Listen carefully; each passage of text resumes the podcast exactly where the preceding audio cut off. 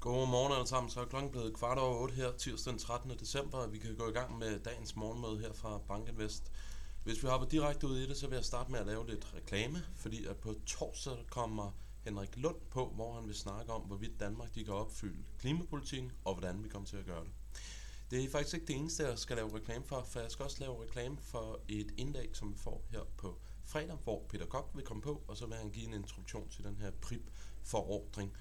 Jeg tror endda også, at vi får en med fra Finanstilsynet, så endelig også husk at ringe ind efter morgenmødet på fredag, hvor vi kommer til at få en gennemgang til den her nye PRIP-forordning. Øh, med disse ord, så vil jeg hoppe direkte ud i dagens morgenmøde. Hvad var det, der dominerede markederne i går?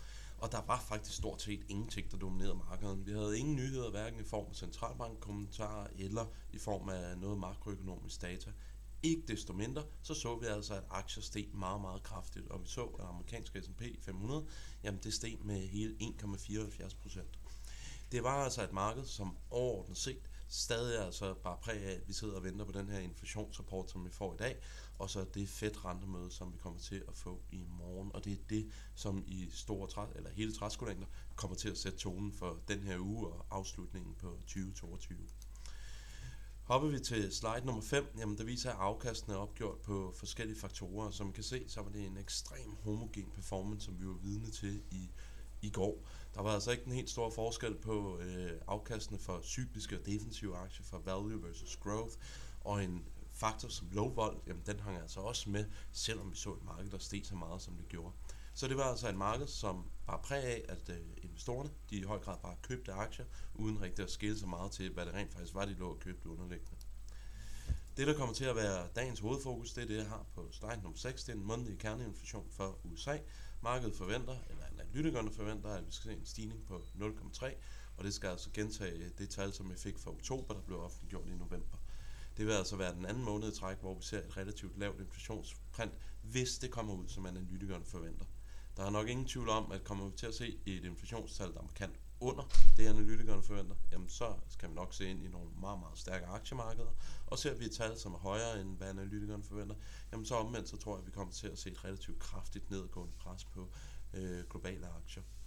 Husk nu på, at sidst vi så det her inflationstal, jamen der så vi altså S&P 500 stige med, jeg tror næsten det var hele 5% på dagen, så det illustrerer altså lidt noget af den følsomhed, der i øjeblikket er på de globale aktiemarkeder til de her inflationsprint. Hopper vi til slide nummer 7, jamen der er taget sådan en screenshot fra Bloomberg om, hvad analytikerne forventer. Og som man kan se, så ligger langt hovedparten og forventer, at vi skal se et print, der hedder 0,3.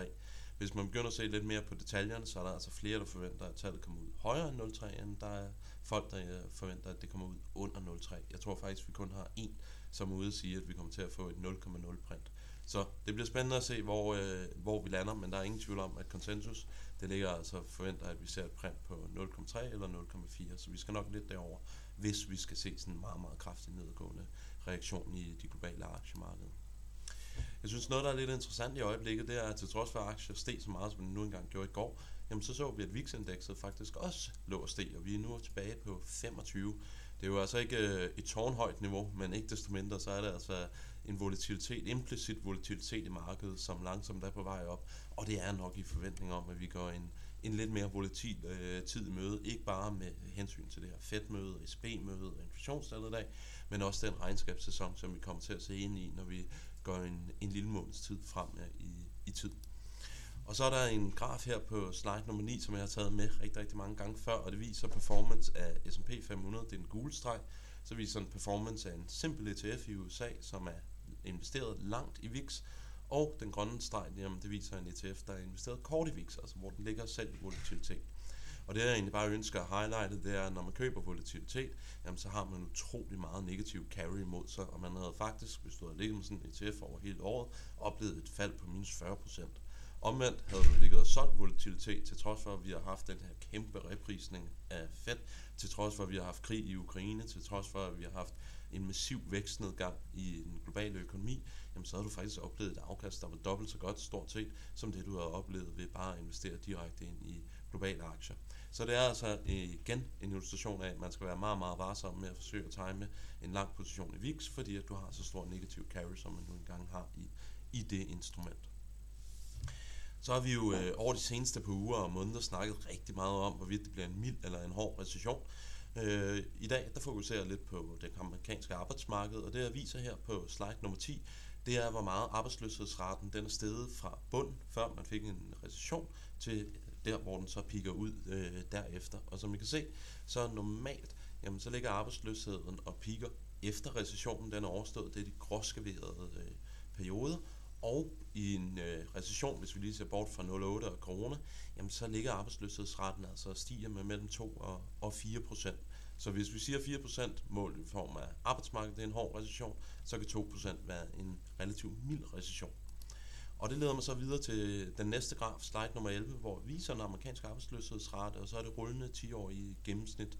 Og hvis vi bare stiger 2% i arbejdsløshedsraten, altså det, der historisk har været en relativt mild recession for det amerikanske arbejdsmarked, jamen så vil vi alene bare ryge op på det her historiske gennemsnit.